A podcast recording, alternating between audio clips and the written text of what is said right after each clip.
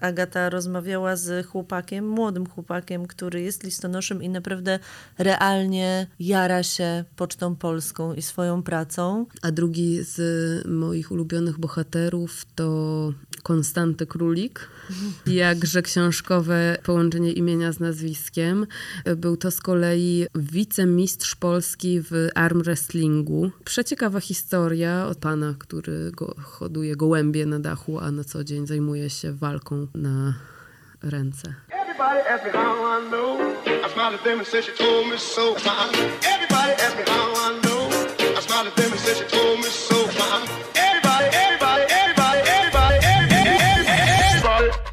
No, lećmy. Dobrze, to lećmy. Moi drodzy, y, moimi, a przede wszystkim waszymi gośćmi są Agata Napiórska i Marta Mach, redaktorki naczelne magazynu Zwykłe Życie. Dzień dobry panie. Dzień dobry. Uśmiechnięte. Z A nowym jak? numerem, Aha. Oczywiście z numerem powietrze. który ma, jak już przed chwilą stwierdziliśmy, taką okładkę troszkę kontrowersyjną. No właśnie stwierdziliśmy, że to zależy, e, kto ją ogląda. Tak. Bo dla nas ona nie jest jakaś wielce kontrowersyjna czy szokująca, ale pewnie zdarzą się osoby, które tak e, stwierdzą.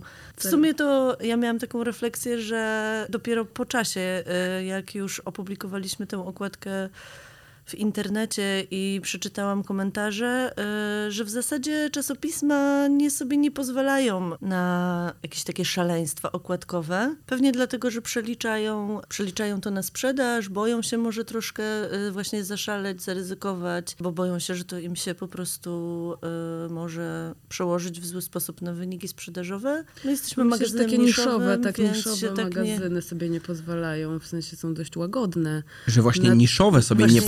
Ja myślę, że bardziej sobie szaleją z okładkami i szalonymi kolażami tygodniki. Okej. Tak mi się wydaje, takimi, znaczy takie polityczne tygodniki głównie, y, albo y, tabloidy, no to tam przecież jest dzikie szaleństwo A, na no tak, to, ale to w ogóle nie myślałam o, tym, o tej półce. Że nie, że No. wchodzimy na poziom Super Expressu, gdzie codziennie jest coś dużego na, Tak, na ale okładce. nawet nie Super Expressu, ale tam jakieś takie do rzeczy, od rzeczy w sieci i tak dalej, no to tam są przecież no, totalne szaleństwa, jeśli chodzi o montaż y, głów do y, tułowia i tak dalej, no nie? No tak, ale to zupełnie Ale to nie, inna nasza, nie sprawa. nasz przelot, nie Tak. nasza półka, nie nasz... y, A w, wydaje mi się, że w takich właśnie w naszej półce z kolei jest dość łagodnie, że to są wciąż takie magazyny, które mają ładnie wyglądać na, na stolikach i, i nie ma jakichś wielkich kontrowersji. No właśnie nie, nie ma, wręcz pilnuje się myślę tego, żeby nie było. tak. Czasopisma z wysokim nakładem robią fokusy, mocno odpowiadają na, na Zapotrzebowanie to, co dyk- rynku? Na to, co dyk, dyktuje im e, ten zbadany czytelnik czy czytelniczka. Okej, to wyjaśnimy dla tych, którzy słuchają. Na waszej nowej okładce mam faceta z delikatnym y, make-upem, pomalowane paznokcie. No to, E, jest, to nie jest jego dłoń, jak widzisz. No tak, ale jak, jak widzę, o, jest to tak ustawione, żeby było widać, że to jednak, no jest to, jak to nazwać? Profesjonalnie? Makieta? Makieta, tak? Nie, no to jest e, rekwizyt, taka Rekwizyt, prze, tak. przeskalowana wielka dłoń. Tak, ale może powiedzmy, kim jest y, ten pan, jeżeli już będziemy opowiadać pewnie też o kontencie, prawda, magazynu. No, zdecydowanie. Na okładce Mateusz Sulwiński, prezes Stowarzyszenia Grupa Stonewall. A ten wybór okładki dla was faktycznie jest jakimś takim procesem. Podejrzewam, że nie jest to losowe zdjęcie, nie przychodzicie, mówicie, dobra, mamy cały numer, jeszcze trzeba coś wybrać na okładkę, przeglądacie folder z dostępnymi materiałami, ten, tylko jest to jakiś większy proces? Chodzi mi o to, jak to tak powiedziałeś. Dokładnie tak to wygląda. Tak? To przeglądamy po prostu, które zdjęcie byłoby najbardziej pasujące do aktualnego numeru na okładce, najlepsze po prostu, najbardziej takie... Zdarzało nam się, że ustalałyśmy z góry, co ma być na okładce, ale potem e, czasem było tak, że na przykład e, zdjęcie nie wychodziło tak dobrze, jakbyśmy tego chciały, bo na przykład, e, nie wiem, różnie to bywa, po prostu e, przy pracy nad materiałem, czy to tekstem, czy zdjęciami, Wiele zależy od y, przypadku, od tego, czy jest y, dobra energia, czy ktoś, kto to robi, jest w dobrej kondycji, w dobrym nastroju, czasem kwestia pogody, jakichś takich w ogóle czynników y, niezależnych od nas. Więc czasami jak się spinałyśmy na jakąś konkretną okładkę, to potem okazywało się, że na przykład w innych materiałach są e, zdjęcia, które będą lepiej. Wyglądać Okej. i będą lepiej się komponować, a z kolei, gdy już twórcy zapowiadałyśmy, że będzie to okładka, to nie chciałyśmy potem go zawodzić. Że odpisałeś E, i- jednak nie. Czyli I zda- okładkę wybieramy na końcu. Tak, więc prostu. zdarzało się po prostu, że ta okładka była taka, że chciałyśmy wybrać coś innego, ale już jednak zadecydowane było, więc, więc szło to, więc w, Ale przez wiele numerów było tak, bo my jesteśmy magazynem, który jakby, którego trzonem wciąż są historie rzemieślników, e, powieści o rzemiośle, fair trade i, e, i pasji oraz pracy. I przez, to jest 25 numer, to, to w ogóle ciekawe. A tak naprawdę 27, Tak, bo, bo, były dwa numery specjalne, specjalne. bez, bez y, liczb. No i przez powiedzmy 20 chyba numerów trzymałyśmy się dość sztywno tej koncepcji, żeby na okładce był rzemieślnik. No ale właśnie potem okazywało się, że y, niektóre z tych zdjęć ze środka y, y, dotyczące innych materiałów były lepsze, no i tak po prostu naturalnie dość wyszło, że Też jest tak, że właśnie ten nasz taki pierwszy temat, który w ogóle był powodem, dla którego zaczęłyśmy wydawać magazyn, on nie jest już takim tematem większościowym. On jest na pewno tematem większościowym u nas na stronie, na zwykłeżycie.pl, w naszych zainteresowaniach, e, w naszych działaniach, jeśli chodzi o wydarzenia. Natomiast e, my jesteśmy magazynem, e, który po prostu przygląda się rzeczywistości naokoło i siłą rzeczy od paru lat dużo piszemy też o sprawach dotyczących ekologii. Pojawiają się reportaże po prostu na temat e, aktualnych e, jakichś problemów społeczeństwa, które nas dotyczą. Więc e, w magazynie rzemieślnicy są i będą zawsze, ale to już nie jest zdecydowana większość tego drukowanego wydania. Okej? Ale ja dodam jeszcze, że te y, y, tematy, jakkolwiek są aktualne, to też są uniwersalne, dlatego że e, staramy się na dany temat patrzeć na tyle szeroko, żeby potem, jak ktoś na przykład kolekcjonuje te magazyny, bo jednak wydaje mi się, że mamy wielu stałych czytelników, którzy sobie układają je po prostu jak kolejne tomy książki na półkach, żeby mogli spokojnie do tego wracać. Zawsze w tych nawet aktualnych tematach, które dotyczą powiedzmy tego, co teraz jest najważniejsze, czyli e, na przykład klimat, tak? Są bardzo uniwersalne treści, do których będzie można wracać za 5-10 lat i y, zobaczyć, jak Są to też- było, jak to będzie. Mamy wywiady, nie wiem, jak jest powietrze, to jest też na przykład ktoś, kto opowie, y, futuro, futurolog, który opowie, jak to może wyglądać w przyszłości. Tak, albo też retro tematy, Tak. typu przy powietrzu jest e, materiał o biosferze 2 i to jest projekt z lat 80., dobrze mówię? Tak. Dobrze.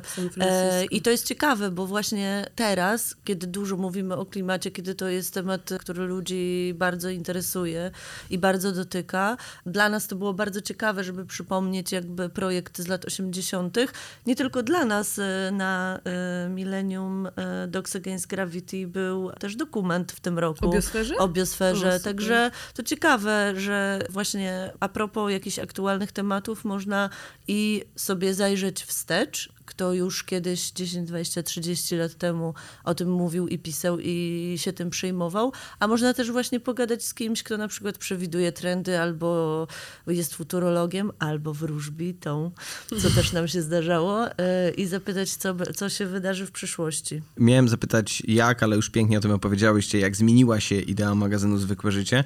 E, Dlatego chciałbym was prosić, żebyście powiedziały dlaczego. To znaczy, dlaczego na przestrzeni tych 25 numerów z waszych obserwacji em, te tematy troszkę, y, troszkę odeszłyście od tego głównego założenia, bardziej elastycznie właśnie na tematy, o których mówicie teraz, które są publikowane bieżąco. Czy odeszłyśmy? To jest y, pytanie. Może dodałyście nowe? Dodałyśmy, myślę, że poszerzyłyśmy. Od początku istnienia, my na, jakby kiedy zaczynałyśmy wydawać ten magazyn, nikt naprawdę nie mówił, nie pisał, nie opowiadał o rzemiośle. Teraz to się wydaje wręcz kuriozalne, no bo po prostu rzemiosło jest wszędzie, nawet nawet w reklamach e, wielkich korporacji, prawda, jakby używa się tego, że to wszystko jest robota rzemieślnicza.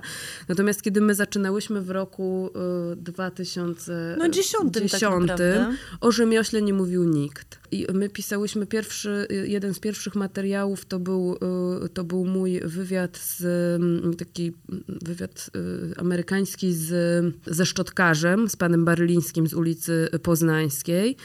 I naprawdę wtedy to rzemiosło to, to było coś takiego troszkę jak skansen, troszkę jak cepelia, trochę w ogóle coś zapomnianego, przykurzonego w ogóle, czym oni się zajmują i kto to w ogóle y, kupuje. Raczej wymierające zakłady, bardziej naprawa butów niż y, robienie butów u szewca. No i my postanowiłyśmy to odkopać. Potem okazało się, że na przestrzeni y, tych 10 lat rzemiosło naprawdę przeszło taką troszkę, można powiedzieć, y, no, zostało odkurzone i przez inne media i, y, i w ogóle jakby tak w opinii społecznej mam wrażenie. Więc zaczęłyśmy też pisać i opowiadać o troszkę z innej perspektywy, też o tych młodych twórcach, którzy chcieliby być rzemieślnikami lub którzy są po prostu rzemieślnikami, niekoniecznie wywodzącymi się z cechów, jak ci starzy, od których zaczynałyśmy na początku. Jest tak, że nas bardzo zainteresowały w tym 2010 roku w Warszawie te stare rzemieślnicze zakłady. Jakoś tak instynktownie poczułyśmy, zobaczyłyśmy, że to jest po prostu taka, to są takie perełki na mapie, na mapie miasta. Pamiętajmy, że Warszawa wtedy wyglądała zupełnie inaczej niż dzisiaj. W ogóle te 10 lat, od kiedy powstało zwykłe życie, to jest ogromna zmiana w stylu życiu Polaków, zwłaszcza tych Polaków z dużych miast. W Warszawie były trzy e, hipsterskie knajpki na krzyż, bistra e, z całego świata, które teraz po prostu e, na każdej ulicy wypełnione są e, ludźmi. To po prostu było jakieś marzenie londyńskie, berlińskie. Rynek tych wszystkich właśnie małych manufaktur, firm, studiów designu, które tworzą dzisiaj modę, meble, design, ceramikę, biżuterię, był praktycznie, no praktycznie go nie było. Tak. On był kompletnie raczkujący i myśmy z jednej strony na, bardzo po prostu nas to interesowało, to co się zaczyna dziać i zaczyna tworzyć. Byłyśmy bardzo wyczulone na każde nowe, fajne miejsce, które się pojawiało w Warszawie. Z drugiej strony czytałyśmy magazyny z zagranicy, gdzie na przykład w Stanach Zjednoczonych ten rzemieślniczy trend już wtedy taki był e, dość rozhulany, zwłaszcza w Nowym Jorku. Był już wtedy ten projekt The Makers, który, który nam bardzo się podobał, ale wydawało się wtedy, że to jest jakaś abstrakcja, że to w ogóle do Polski e, nigdy nie dotrze.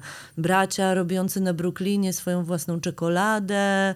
Sklep jacyś... wyłącznie z ogórkami kiszonymi, no że to po prostu to nie jest możliwe w, w Polsce. No Urban bo... Gardens, czyli ogrody miejskie, gdzie po prostu uprawia się ekowarzywa. To wszystko było szalenie interesujące dla nas, ale to wszystko było absolutnie egzotyczne, w ogóle wręcz wydawało nam się, że trochę zabawne, że jeszcze wtedy w tym 2010 roku ten eko-ogórek kiszony to było naprawdę coś dla nas zabawnego, takiego śmiesznego. No jak eko-ogórek kiszony, ogórek to przecież ogórek, ogórek kiszony jakby jest ogórkiem kiszonym, który robi mama i jest eko z założenia. I niestety jest to bardzo przykre, że tak naprawdę wydaje mi się, że myśmy wtedy nawet nie miały świadomości, że właśnie nie do końca to, co my jemy i nawet to, co te ogórki, które nasze mamy wkładają do słoików, jeśli nie wiedzą z jakiego po prostu one pochodzą źródła, właśnie nie są eko. I jakby ta świadomość tego, że, że świat y, wygląda inaczej, że ta masowa produkcja nas dojeżdża, że tak powiem kolokwialnie, przy, przyszła y, jakby z tym czasem, a jednocześnie właśnie y, ludzie zapatrzeni w to zwykłe życie, zaczęli już dzisiaj można powiedzieć masowo skłaniać się ku prostym zawodom, malutkim firemkom, które utrzymują na przykład tylko jedną osobę albo rodzinę, albo w ogóle nie utrzymują nikogo, tylko są e, zajęciem po pracy na etacie, ale ta potrzeba, żeby coś tworzyć, żeby zrobić coś unikatowego, żeby tworzyć małe serie, żeby jakby kupującym e, zaproponować alternatywę dla rzeczy z, ze sklepów sieciowych, ona rozkwita od tych 10 lat i w zasadzie mam wrażenie, że osiągnęła teraz jakieś apogeum, co się przekłada właśnie na content w magazynie drukowanym w ten sposób, że te historie rzucił korporacje, by zacząć robić Drewniane stołki. drewniane stołki to już nie jest y, temat y, tak interesujący jak w 2010 roku, bo w 2010 roku to było objawienie, że ktoś taki jest, a dzisiaj takich ludzi jest w Polsce tysiące i to jest świetne. To jest świetny trend, ale to już nie jest historia, która zasługuje na te cenne strony w drukowanym magazynie. po Podobnie prostu. jak już tak aż bardzo ciekawą historią nie jest to, co my pamiętam w pierwszych kilku wstępniakach. Pisałyśmy wręcz drukowanymi wielkimi literami, żeby nie wyrzucać, tylko naprawiać, że recykling, że wymiana, że lumpeksy, że właśnie idźcie do rzemieślnika, kupcie porządną rzecz, jedną, która posłuży wam przez wiele lat, zamiast iść do sieciówki i wymieniać buty y, co sezon. No teraz to się stało dość powszechną na szczęście praktyką, ale my jakby pisałyśmy o tym 10 lat temu. Wtedy jeszcze naprawdę to było dość egzotycznym tematem, że ale jak do szewca naprawić buty, ale jak w ogóle kupić jedne buty, które będzie się nosiło przez y, 10 lat i nie wiem, skórzany, porządny pasek. No wtedy y, też trochę się modą? A co zachły- z trendami? zachłysnęliśmy właśnie, za, byli, by, jakby powszechnie byliśmy za, zachłyśnięci jako społeczeństwo tym, że można właśnie kupować nowe rzeczy co sezon, jako społeczeństwo bogacące się dopiero. No i teraz, teraz już na szczęście te trendy też uległy potężnym zmianom i ludzie, mimo tego, że otwierają się jakieś wielkie sieciówki w Polsce dopiero co, to jednak też mam wrażenie, że coraz więcej jest takich miejsc, gdzie można y, oddać rzeczy, wymienić rzeczy, że już nie jest wstydem kupowanie w lumpeksach. 10 lat temu może nie było wstydem, ale pamiętam jak moja mama pierwszy raz przyniosła sweter z lumpeksu, to było 20 lat temu. I to było coś takiego dziwnego, że skąd to w ogóle jest pomocy dla powodzian z Czerwonego Krzyża, w ogóle jakby kto to nosił i jak to, jakie to jest dziwne, prawda? No a No, a teraz teraz, wi- teraz to element jest cool, vintage. nie? No właśnie. I teraz to kosztuje już nie 2 złote, tylko może i 200, prawda? No w Grudziądzu cały czas jeszcze Tak, to można za prawda. dwa złote kupić super sweter. I to cieszy, że cały czas są takie miejsca. No ja tylko uważnie słucham i potakująco kiwam głową, ale chciałbym e, pociągnąć ten wątek. E, Pojawiły się e, amerykańskie pisma, o których wspominałyście, że to było inspiracją. Macie takie tytuły, czy, czy w Polsce, czy w Europie, czy właśnie za oceanem, które inspirowały was do tego, żeby powstało zwykłe życie, albo nadal je podglądacie i mówicie, o, ten wątek fajny, może tak byśmy u nas spróbowali. To nie amerykańskie pisma. Akurat ten projekt The Makers amerykański to był projekt internetowy, Okej. ale y, gdy przyszłyśmy do Olka Modzelewskiego, który zaprojektował y, pierwszy layout y, i logotyp, który do dzisiaj używamy, zwykłego życia, pozdrawiamy Olek, no to oczywiście przyniosłyśmy mu pakiecik czasopism, które nam się podobają, żeby pokazać mu, od czego możemy zacząć projektowanie.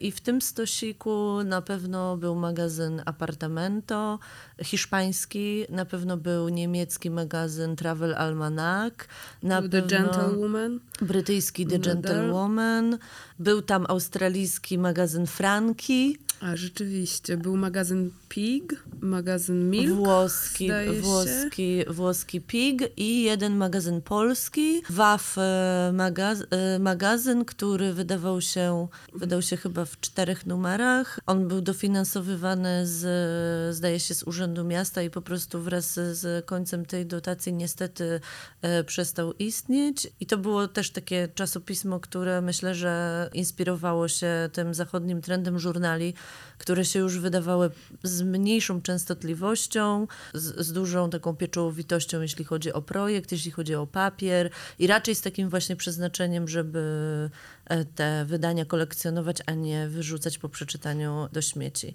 Jest takie określenie, którego ja za bardzo nie lubię, ale to jest określenie takie coffee table magazines, czyli to są takie magazyny, które są na tyle ładnie wydane, że mogą służyć jako taka ozdoba e, na stoliku do kawy.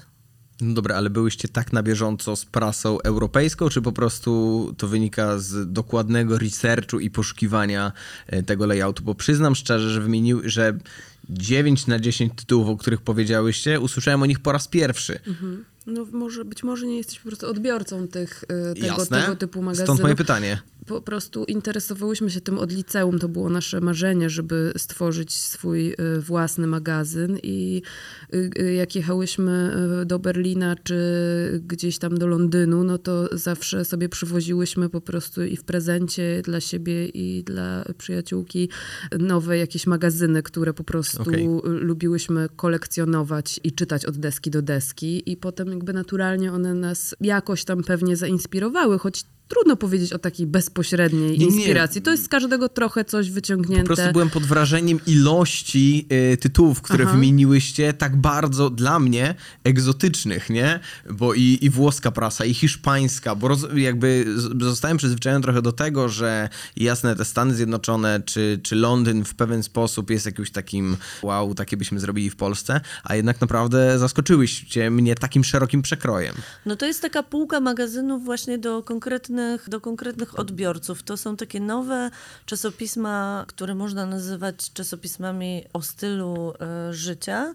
One się właśnie charakteryzują tym, że mają e, dość ponadczasowe treści, e, długie, długie wywiady, są pięknie zaprojektowane i pięknie wydane i one nie mają jakichś szalenie wielkich nakładów. ja podałam skąd pochodzą te wszystkie tytuły, ale one wszystkie są anglojęzyczne i mają dystrybucję międzynarodową ale nie znam dokładnie nakładu The Gentlewoman, ale to nie jest nakład Woga, tak? Jakby okay. E, to są e, magazyny, które nawet jeżeli są dystrybuowane w całej powiedzmy Europie, to i tak i tak ten nakład jest stosunkowo, e, stosunkowo niski. W Europie te magazyny są jeszcze dość drogie, są dużo, dużo droższe niż takie czasopisma, co, które wydają się co miesiąc i są dostępne w kioskach. Magazyn Zwykłe Życie nie jest zbyt drogi, ale to wynika z tego, że po prostu w, w Polsce jeszcze mamy wciąż dużo niższy poziom życia i po prostu ludzie nie kupują czasopism, y, które są w cenie książki, więc y, musimy też się wspierać y, naturalnie budżetami od reklamodawców, ale właśnie ta półka zwykłego życia, na której dzisiaj może stanąć też magazyn non-fiction w Polsce, magazyn Usta, magazyn Girls, Girls Room, to jest półka dla konkretnych, w zasadzie konkretnej grupy czytelników i dlatego te czasopisma mają niskie nakłady, bo one są dla wybranej po prostu grupy mm, odbiorców. E, ja bym jeszcze dodała do tych wszystkich wymienionych przez nas magazynów, bo, bo te, które wymieniłyśmy, mm, one zwróciły, zwracały naszą uwagę ze względu na treść, ale też ze względu na sposób e, wydania, piękne wydanie, ale my w tamtych latach też e, czytałyśmy ten taki weekendowy dodatek do The Guardian, jeśli chodzi o treści, to było bardzo mhm. ciekawe i myślę, że stamtąd też wiele inspiracji tak podskórnie po prostu zaczerpnęłyśmy. Też wtedy czytałyśmy bardzo namiętnie absolutnie wysokie obcasy, które y, uważałyśmy za taki jeden z fajniejszych weekendowych dodatków do m, takiej ogólnopolskiej prasy. I myślę, że jeśli chodzi o treści, to te dwa tytuły też jakieś echo znajdowały w tamtych y, pierwszych wydaniach zwykłego życia. Tak. Przekrój wtedy je, y, jeszcze, znaczy dzisiaj tak. też oczywiście o przekroju nie, nie wspomniałam, chociaż przekrój y, ma hmm. dość duży nakład i jest takim bardziej publicystycznym już teraz y, czasopismem. Jeszcze jest teraz magazyn Pismo, który bardzo lubimy. Już miałem I ja też y, jest magazyn, ty wspominałeś wcześniej o magazynie Motor, tak? Motur. Motur. Natomiast y, ja z kolei znam magazyn dla mm, fanów piłki nożnej y, pod tytułem Kopalnia, bardzo pięknie wydany. Dla fanów piłki nożnej. Dla fanów piłki nożnej, ale, ale jest to magazyn dla takich naprawdę true school fanów, którzy interesują się piłką nożną nie tylko w kontekście oglądanych meczy, meczów, tylko po prostu historie z za trybuny. Wszystko, okay. tak, historie z za trybuny, analiza, psychologia psychologia. Bardzo ciekawy, świetnie napisany magazyn, który chyba raz na rok w ogóle teraz wychodzi. Okej, okay, to powiedzcie mi w takim razie te wszystkie głośne nagłówki, że prasa się kończy, że teraz już tylko internet. Mam wrażenie, że was za bardzo to nie dotyczy, a trochę nawet nie interesuje. W ogóle nas to nie obchodzi. No, prasa się kończy, to na pewno, ale to ta prasa taka właśnie, która drukowana jest w ogromnych nakładach na brzydkim, e, jednorazowym papierze i która służy do tego, żeby przeczytać newsy, a następnie wyrzucić e, to wydanie do śmieci. I bardzo dobrze, że taka prasa się kończy, bo tabloidy świetnie zastępują e, internetowe, te tabloidy, które wydaje się na papierze, w zasadzie to nie wiem po co wydawać na papierze te tabloidy. Może, może No Dlatego, po to, że wciąż wiele osób w zabrać. Polsce jednak nie ma dostępu do internetu. To też to, to myślę, że dlatego i dla osób No tak, starszych, ale to osób- się zmienia, tak. wiadomo. No jakby wszystkie newsy dotyczące e, życia prywatnego gwiazd i kto się jakby tam e, gdzie potknął, to y, można znaleźć w internecie w, y, w praktycznie w czasie rzeczywistym. To No Właśnie, a znaczy- po prostu świat tak szybko mknie do przodu, że te, te codzienniki tak naprawdę nie mają racji bytu z tego względu, że nie nadążają. No po Tak, prostu tak, nie ma tak. takiej opcji, żeby zdążyć drukować newsy, które już są w internecie po trzech sekundach. Właśnie prawda? miałem wam o tym mówić, że z poziomu researchu radiowego często z mojego doświadczenia wyglądało to tak, że jakaś taka ciekawa historyjka najpierw była na stronie jakiejś lokalnej, gminnej, potem na dużym portalu, jak już cały dzień o tym mówi, i to następnego dnia rano była na okładce. No absurdem jest cytowanie w drukowanej prasie Internetu. e, internetu i jakby e, cytowanie Facebooka uważam. No to jest trochę dziwne, prawda? Nie, Tak, ja nie uważam, w tę że- stronę to powinno iść. No prasa codzienna, jeżeli ma w ogóle jeszcze y, istnieć, to powinna skupić się na analizie i, y, i jakiejś takiej merytoryce, czyli tak naprawdę no, komentarzu tych wszystkich wydarzeń, które, o których wiemy po prostu na bieżąco z, z internetu i z radia.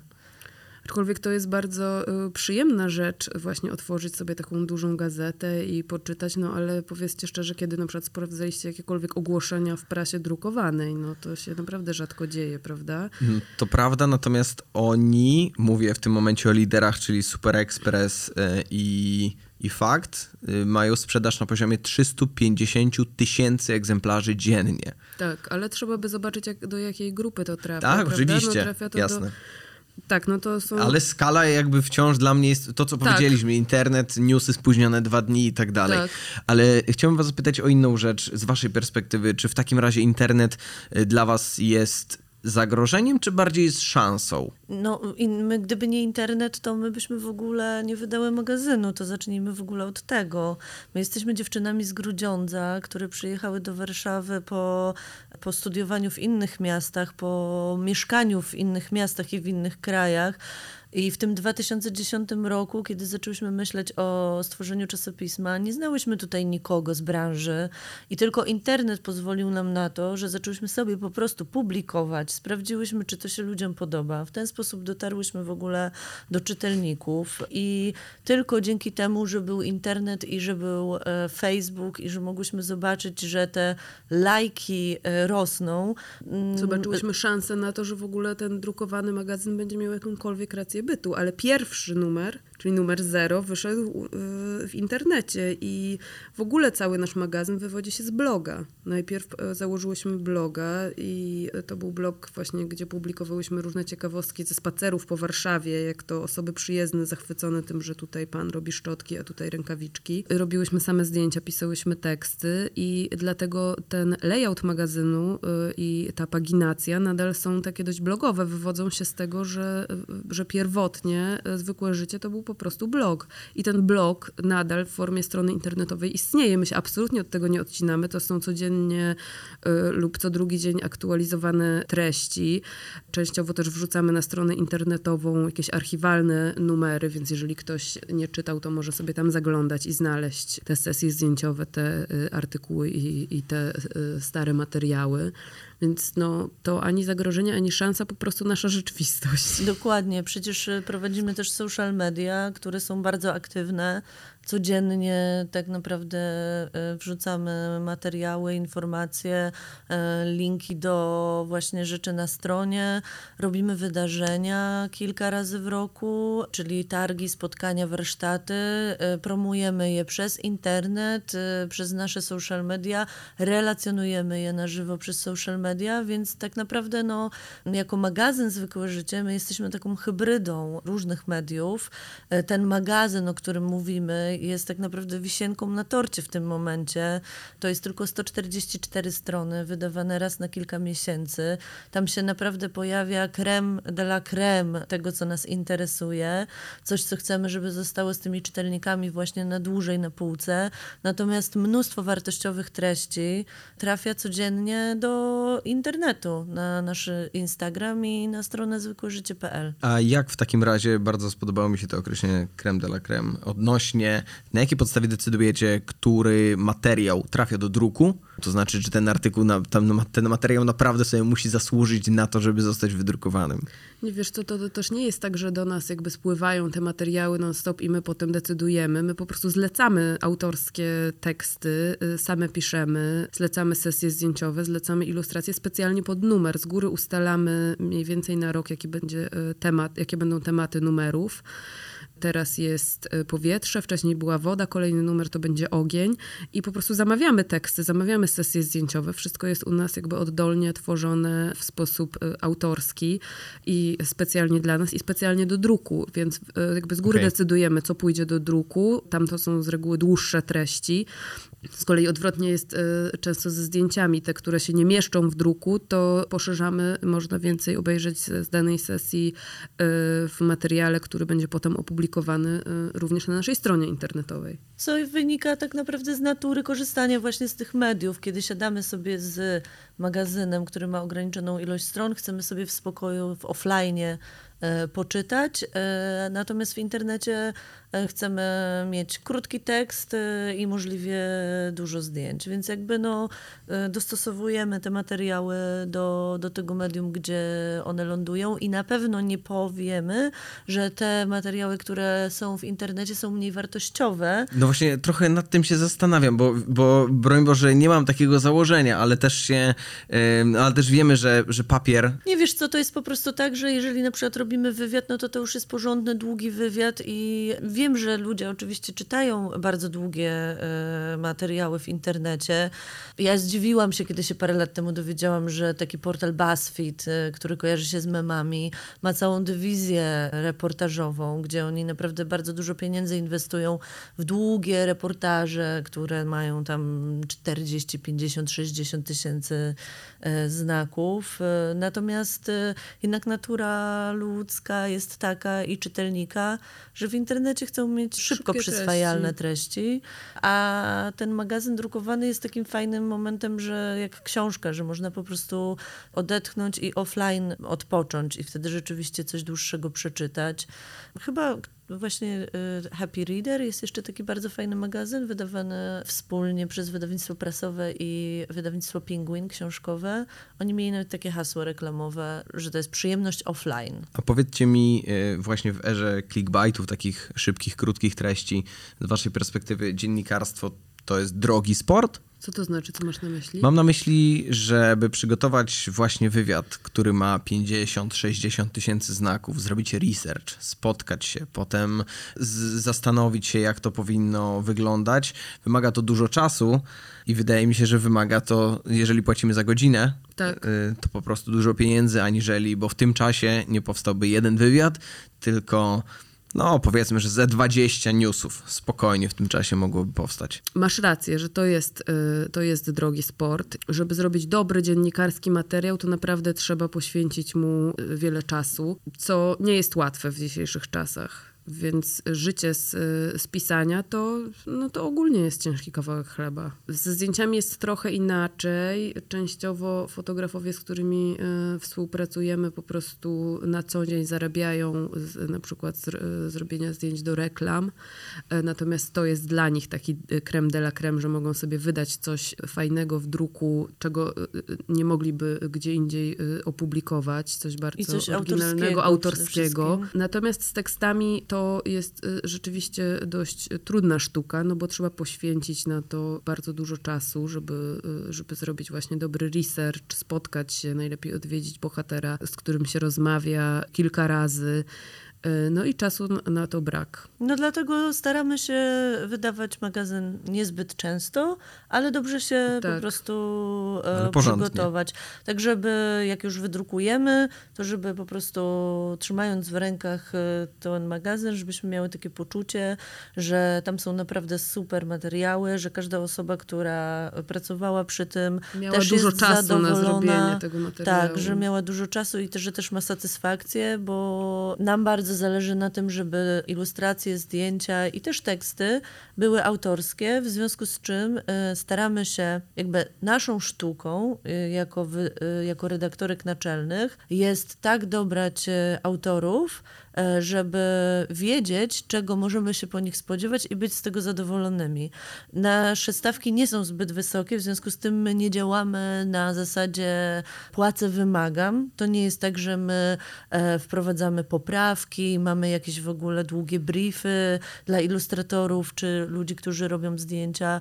Nie, jest bardziej tak, że to jest wspólna praca, jest temat numeru, są pomysły i naszym zadaniem jest tak zlecić tekst, zdjęcie, ilustrację, żeby wiedzieć, że jak to do nas wróci, to ta osoba, która to zrobiła stuprocentowo autorsko, stuprocentowo na swoim flow, będzie, ten efekt będzie dla nas ekstra. Na zasadzie super, zrobiłeś to po swojemu i nam się to na maksa podoba. Co nie znaczy, że nie redagujemy i nie korygujemy tekstu. Nie, no oczywiście, oczywiście, że to robimy i jakby zawsze sobie rozmawiamy przed, ale jakby nie jest to to taka praca na zasadzie, że. Typowo potem, zleceniowa, nie? Typowo zleceniowa, tak. że my potem po prostu wymagamy jakiejś w ogóle serii poprawek. Y, raczej staramy się wcześniej tak zaplanować to zlecenie, żeby już nie trzeba było jakoś e, Jakby bardzo dużo Współpracować z twórcami okay. też na etapie produkcji, tak. czy to tekstu, czy zdjęć, czy ilustracji. Okay. I jednocześnie też dobieracie do współpracy osoby, które no może nie tyle czują wspólną misję, chociaż trochę tak na pewno, ale mają ochotę po prostu razem zrobić coś fajnego. Zdecydowanie i właśnie czują wspólną misję. Myślę, że dobrze powiedziałeś. No. no bardzo dobrze. My jakby staramy się też edukować w tym magazynie na różne tematy, więc zdecydowanie to jest działalność misyjna. Trochę też e, łamiemy stereotypy, piszemy o sprawach, które są dla nas ważne, które mogą zmienić świat choćby nawyki właśnie w konsumpcji, w kupowaniu, nawyki w właśnie codziennym, zwykłym życiu, które mogą dać jakieś, jakąś, nie wiem, szerszą perspektywę na światopogląd. Jesteśmy magazynem bardzo liberalnym, każdy jest y, tu mile widziany, więc myślę, że jak najbardziej to jest y, misja. A pamiętacie takie historie bohaterów, które szczególnie zapadły wam w pamięć? Ja bardzo dużo czasu poświęciłam i wielokrotnie odwiedziłam już świętej pamięci zegarmistrza Jerzego Grzelaka, który miał swój malutki e, zega e, zakład zegarmistrzowski przy ulicy Puławskiej. To była taka praca mm, w starym stylu dziennikarskim, ponieważ e, pan Jerzy nie, nie używał internetu, w związku z tym ja do niego jeździłam z kolejnymi wersjami tekstu i on się na coś zgadzał albo się nie zgadzał. I naprawdę to był materiał, nad którym pracowałam trzy miesiące. To jest teraz, myślę, dość... Yy, niepopularne. Nie, tak, niepopularne, ale bardzo byłam zadowolona z, z efektu końcowego i wiem, że on też i yy, rozdawał ten magazyn różnym swoim yy, znajomym, a był to naprawdę zegarmistrz nad zegarmistrzów, najmłodszy uczestnik Powstania Warszawskiego, który miał y, naprawdę kupę rzeczy do y, opowiedzenia, naprawdę naprawdę jakby wielki wycinek tortu historii opowiedział w tym krótkim tak naprawdę tekście, który ostatecznie miał jakieś 20 tysięcy znaków. To była jedna historia, którą jakby zapamiętam na zawsze. A drugi z moich ulubionych bohaterów to Konstanty Królik. To też e, jeden jakże, z moich ulubionych. Jakże książkowe y, połączenie imienia z nazwiskiem.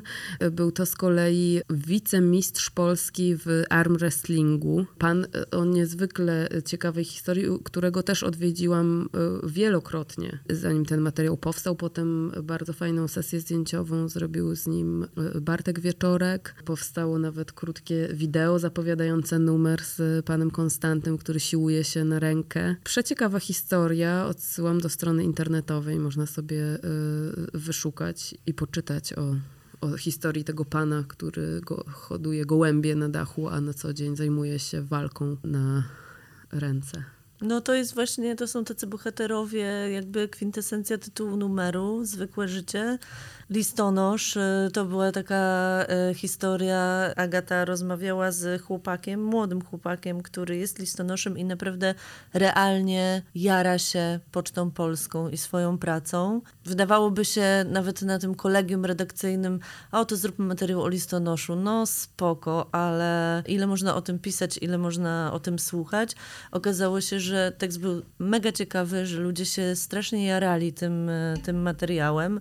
Ja wspominam niesamowicie wizytę w cyrku u cyrkowców. Ten cyrk to jest taki kontrowersyjny temat, e, bo wciąż w Polsce, kiedy tam byłam, doz, e, dozwolone było posiadanie w cyrku zwierząt, a jednocześnie pomijając ten aspekt, który jest smutny i wystarczyłoby go po prostu uregulować prawnie, co przecież już w Europie dawno zostało zrobione, to życie cyrkowców jest e, niesamowite, bo to są ludzie, którzy mm, tułają się tak naprawdę po świecie, jeżdżą tym taborem, który jest w ogóle nie luksusowy, wręcz przeciwnie. Tam są bardzo kiepskie e, warunki do życia i na ten jeden wieczór po prostu są wielkimi gwiazdami w brokacie, w światłach kolorowych, w fanfarach.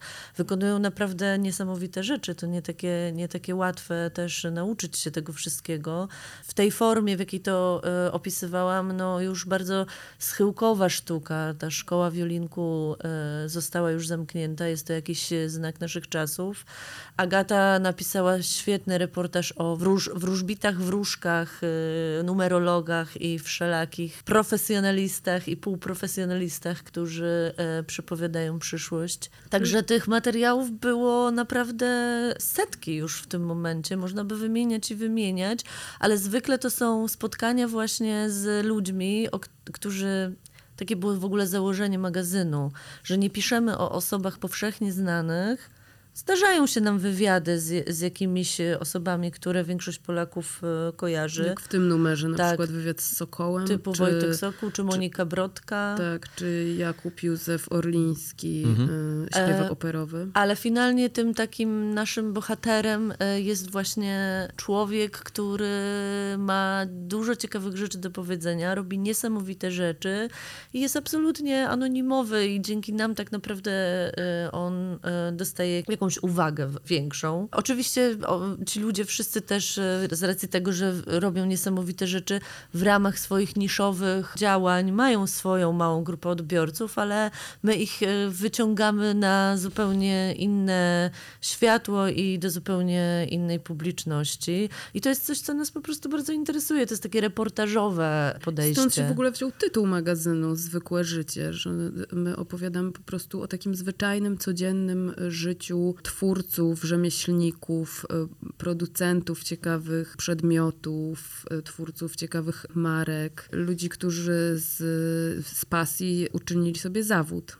Mam też świadomość, że troszkę inaczej się rozmawia z takimi osobami, to znaczy osoby publiczne, które udzielają wywiadów, nazwijmy to regularnie i na przykład jest, nie wiem, press day i na raczej te same pytania o nową płytę, o nową książkę tak. o, i tak dalej odpowiadały już x razy, wiedzą, że mają dla ciebie 45 minut i no nie, nie chcę powiedzieć, że z automatu, ale, ale w ten sposób raczej odpowiadają, a tutaj mamy mnóstwo historii, gdzie prawdopodobnie większość z tych osób udzielała Tylko jedynego jednego wywiadu w swoim życiu, nie? Zgadza się. Tak, zgadza dokładnie. Się. Ale też kiedy przepytujemy te znane osoby, które normalnie mają press day, to my nie przepytujemy o aktualne sprawy, tylko właśnie staramy się opowiadać też, wyciągać z tych osób, które znajdują się na okładkach innych magazynów i czasem też y, okazjonalnie pojawiają się u nas, właśnie opowieści o ich codziennym życiu, tym spoza tego okay, czyli wielkiego ekranu. Jakby premierę jakąś traktujecie tylko jako argument, czy jako pretekst do rozmowy, a potem szukacie czegoś więcej, tak, nawet w tych dużych nazwiskach? Tak, zdecydowanie, a czasami nawet po prostu akurat tutaj z, z Wojtkiem Sokołem, pretekstem do rozmowy z Wojtkiem Sokołem e, było e, jego wydawnictwo e, i książka pierwsza wydana w tym wydawnictwie. Natomiast często się zdarza, że po prostu myślimy sobie, z kim chcielibyśmy porozmawiać, kto wydaje nam się interesującą osobą, z kogo chcielibyśmy poznać, kogo nasi czytelnicy mogą e, lubić i e, wtedy zdarza się, że w ogóle pomiędzy e, jakimiś zawodowymi wydarzeniami e, tej osoby po prostu sobie gadamy e, o życiu. Gadamy czasem z osobami, które są powszechnie znane, ale może czasem trochę już zapomniane. Mieliśmy wywiad z, z panem Sznukiem, który prowadzi program 1 z 10 z Elżbietą Dzikowską, która nie jest już teraz tak medialnie aktywna jak kiedyś, gdzieś. Także mm, bardziej nas interesuje człowiek niż aktualność wokół niego. A wracając do e, tego tematu rynku prasowego, macie wrażenie, że to cały czas będzie zmierzać w tę stronę? To znaczy, że właśnie te niszowe magazyny może nie tyle będą się rozrastać, no bo jeżeli coś jest niszowe, to ciężko, żeby stało się ogólnopolskie czy światowe, ale one właśnie będą w trendzie, a te gazety nazwijmy to, no po prostu taka prasa brukowa jednak upadnie? Myślę, że nie, że nie upadnie prasa brukowa, bo tak jak powiedziałeś, mają e, niezłe nakłady i sprzedaż. Być może ta prasa będzie się bardziej przenosić trochę znaczy do internetu. Myślę, że przyszłością prasy jest ogólnie profilowanie tej prasy i docieranie do jakby wąs do wąskich grup. Mhm być może niższe nakłady, ale dotarcie do konkretnej, sprecyzowanej, ściśle określonej grupy docelowej. E, myślę w ogóle, że to jest przyszłość wszystkiego. No tak, no internet to sprawił. Mamy po prostu w tym momencie tyle możliwości, jakby już nie musimy wiedzieć wszystkiego. E, już nie jest tak, że wszyscy oglądamy trzy kanały telewizyjne i słuchamy czterech radiostacji. Po prostu wiedzy jest za dużo. Tak, za dużo się dzieje, za dużo do nas dociera informacji i musimy sobie wybrać jakby czemu wierzyć i komu wierzyć i to, co nas interesuje i po prostu bardziej na tym się skoncentrować, tak. bo nie da się wiedzieć wszystkiego i a nawet, a nawet nie, nie, A nawet nie wierzyć, y, po prostu słuchać, analizować i jakby to, to jest też ciekawe i to się właśnie wszystko wydarzyło naprawdę na przestrzeni tych ostatnich 10-15 y, lat. Dla mnie błogosławieństwem jest, że ja nie docieram na przykład w niektóre rejony internetu. Mało tego, ja w tym momencie nie rozpoznaję osób na okładce, na okładkach kolorowych czasopism, które leżą w kiosku. I szczerze mówiąc, nie mam takiej potrzeby i to jest ok. To nie znaczy, że te osoby nie są interesujące, one po prostu nie interesują mnie. Kiedyś to było tak, no jak nie znasz tego, no jak nie wiesz tego, nie wiesz, że właśnie wydała się nowa płyta, że właśnie coś, że śmoś, a teraz jest tak, to jest takie w ogóle moim zdaniem wyzwalające i takie bardzo liberalne, że właśnie ja naprawdę nie muszę wiedzieć, że się wydały te wszystkie płyty, albo że się wydały te wszystkie książki, albo że jest ileś tam tych podcastów. E, ja nawet nie muszę znać wszystkich, a nawet połowy celebrytów, którzy są powszechnie w Polsce znani. I dobrze mi z tym, ponieważ sama sobie te kanały mojej wiedzy i rozrywki wybieram i tak ludzie wszyscy robią, może nie wszyscy, ale większość. I właśnie to jest fajne, że można docierać naprawdę do grupy, która realnie jest zainteresowana tym, co chcesz e, im przekazać z tymi podcastami bardzo ryzykownie. W sensie? nie no, śmieję się, bo właśnie w tym kontekście nagrywamy. Powiedziałeś, że nie trzeba być na bieżąco. Otóż należałoby być na bieżąco. Nie, właśnie Ale nie. Ale nie ze wszystkimi, zgadzam o, właśnie się. o to chodzi, że nie, że nie trzeba wiedzieć jak, że, że o, wszys o, wszystkich podcastach, które powstają w Polsce, wręcz, czy na świecie. No wręcz to jest w ogóle nie no, żartuję niemożliwe. oczywiście, ale... To jest niemożliwe i od tego może rozboleć głowa, ale też no, to jakby medal ma dwie strony i też może to być w kontekście politycznym czy społecznym dość niebezpieczne, że koncentrujemy się na swojej bańce. My się staramy jakby tego nie robić i też opisywać historię, ponieważ mhm. same jesteśmy z Grudziądza. To nie jest tak, że my jesteśmy jakieś warszawocentryczne i pokazujemy teraz tylko małe biznesy, które rozkwitają w Warszawie tak szumnie, bo pokazujemy też y, rzemieślników, twórców z innych części Polski i jeździmy po małych miejscowościach i wiemy jakby co w trawie piszczy i jak to wygląda mhm. y, i że jakby cała Polska to nie Warszawa. Y, I, i, że trochę to, to inaczej wygląda, ale ale rzeczywiście jakby w kontekście zainteresowań, y, no nie da się w tej chwili być na bieżąco ze wszystkim. Tak jak kiedyś w latach 70., 80. istniało w Polsce zaledwie kilka wydawnictw i rzeczywiście można było y, na czytać bieżąco wszystko. czytać y, wszystko i nakłady były po prostu, patrzy się na te chociażby teraz, nie wiem, poczytaj mi mamo, te książeczki dla dzieci, które, z których każda miała nakład 400 tysięcy egzemplarzy i to pierwszego nakładu. Dzisiaj to byłby y, absolutny bestseller, y, nakład dochodzący do, do pół miliona. Po prostu tego jest tak dużo, że trzeba gdzieś skądś czerpać, czerpać wiedzę. Trzeba wiedzieć, na jaki portal wejść i, i wiedzieć, jakby skąd zaczerpnąć informacje, chociażby o nowościach książkowych. Dokładnie.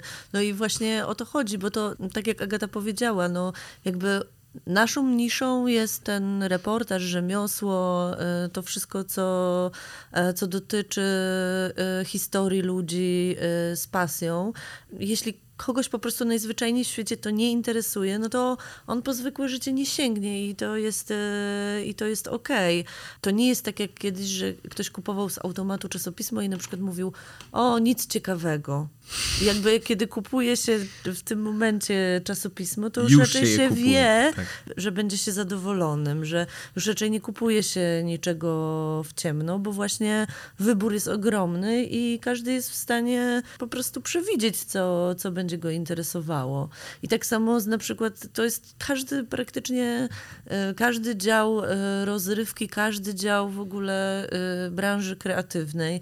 No, podobnie jest z branżą filmową, podobnie jest z telewizją. No, telewizja w, tradycyjna odchodzi do lamusa. Streamingi są o tyle interesujące teraz nowych odbiorców, że po prostu też właśnie no, to my wybieramy, co chcemy obejrzeć, a nie czekamy na godzinę 20, kiedy poleci nasz ulubiony serial. No, świat się zmienia i to jest okej, okay, to jest bardzo fajne, można z tego korzystać. Ale my też w naszym magazynie, który ukazuje się tak rzadko, no bo y, zaledwie trzy razy w roku, staramy się nie tylko jakby analizować zastaną rzeczywistość, ale też trochę jakby kształtować gusta tych ludzi, którzy wiemy, że, y, że po magazyn sięgną. Dlatego pokazujemy rzeczy, których być może nie znali, a które wiemy, że mogą ich zainteresować. Dlatego odkrywamy przed nimi jakby nowe nazwiska w, z branży krawcowych, czy no właśnie z, z szeroko pojętego y, mhm. rzemiosła i też myślę, że możemy spokojnie przypisać sobie to, że niektórzy z y, pokazywanych przez nas Y, rzemieślników y, osiągnęli potem bardzo duże y, sukcesy. W sensie, no wiadomo, nie całkowicie sobie przypisać, ale to, że byłyśmy pierwszymi w ogóle, pierwszym medium, które kiedykolwiek w ogóle zrobiło z nimi wywiad. A teraz częściowo są to osoby, które naprawdę porozwijały fantastycznie swoje biznesy. Powiedzcie mi jeszcze proszę na koniec, gdyby ktoś teraz nas słucha i myślał sobie, kurczę, tak się zastanawiałem, że chciałbym mieć takie własne, zwykłe życie. To znaczy, chodzi mi technicznie ze strony zakładania własnego magazynu z waszym 25-numerowym, strasznie dziwnie po polsku to powiedziałem, ale 25 numerów na koncie, dwa specjalne, 10 lat działalności, tak? Już to liczono razem z blogiem? Tak. tak. Co byście doradziły osobie, która myśli sobie, kurczę, chciałbym, chciałabym mieć swój magazyn? Musisz naprawdę, naprawdę chcieć, bo to nie jest bułka z masłem. Ale jeżeli naprawdę chcesz to robić, no to, to się da i my jesteśmy tego najlepszym przykładem. I jakby nasze początki były dość chaotyczne, bo działałyśmy po prostu z czystej pasji, bez jakiegokolwiek biznesplanu, który pojawił się na, na etapie, nie wiem, piątego numeru może. Kiedy e... już y, praktycznie y, był wóz albo przewóz, bo, tak. bo, bo tam naprawdę nie było jakby, zabrakło tabelek. Tak, no na pewno początki są trudne, trzeba mieć jakieś oszczędności, jakiś początkowy y, kapitał, bo druk też jest, nie jest tanią sprawą. Trzeba się nastawić na bardzo dużo biurokracji, a nie tylko fantastyczne kolegia redakcyjne, i z których się, na których się robi burza mózgów, ale też trzeba pamiętać o tym, że do tego dochodzi księgowość, dystrybucja, y, handel, że, że jakoś to, żeby to wydać, to trzeba skądś te pieniądze wziąć, więc albo reklamy, albo po prostu nastawić się na to, że jakaś cena musi być tego numeru i, i, i że trzeba go potem wyprzedać, więc też promocja, marketing no to wszystko składa się na, na tę pracę. To tak jak jakby no, opowiadają twórcy o swojej pracy, to nie jest tylko przyjemność, tylko właśnie ta cała, to, to, całe zaplecze już nie jest aż tak fajne, a trzeba to robić, żeby móc wydawać magazyn. No myślę, że a propos właśnie tego, co powiedziałyśmy o uszczegółowianiu e, tematów, no to ważnym dzisiaj w 2020 roku początkiem dla takiego pomysłu, żeby zacząć wydawać magazyn, no to trzeba po prostu wiedzieć o czym się chce pisać. To jest taka w ogóle pierwsza, najważniejsza, pierwsza, najważniejsza rzecz. Dziękuję Wam bardzo. Cieszę się, że przepłynęliśmy przez przekrój tematów, bo naprawdę no nie spodziewałem, myślałem, że sobie porozmawiam o czymś innym, to znaczy oczywiście e, jestem bardzo zadowolony, bo wasze historie i tego, jak powstało magazyn, tego, jak funkcjonuje, ale też historii bohaterów, piekielnie ciekawe, mam nadzieję, że nie tylko dla mnie. Trzymam kciuki i do zobaczenia przy kolejnej okazji. Bardzo, Bardzo dziękujemy, dziękujemy. za zaproszenie. I ja teraz powiem jeszcze moje ulubione zdanie na zakończenie. Zapraszamy na www.zwykłeżycie.pl Dokładnie, dzięki. Dziękujemy Zapraszamy. bardzo. Do zobaczenia. Everybody ask me how I know. I smiled at them and said she told me so. Everybody ask me how I know. I smiled at them and said she told me so.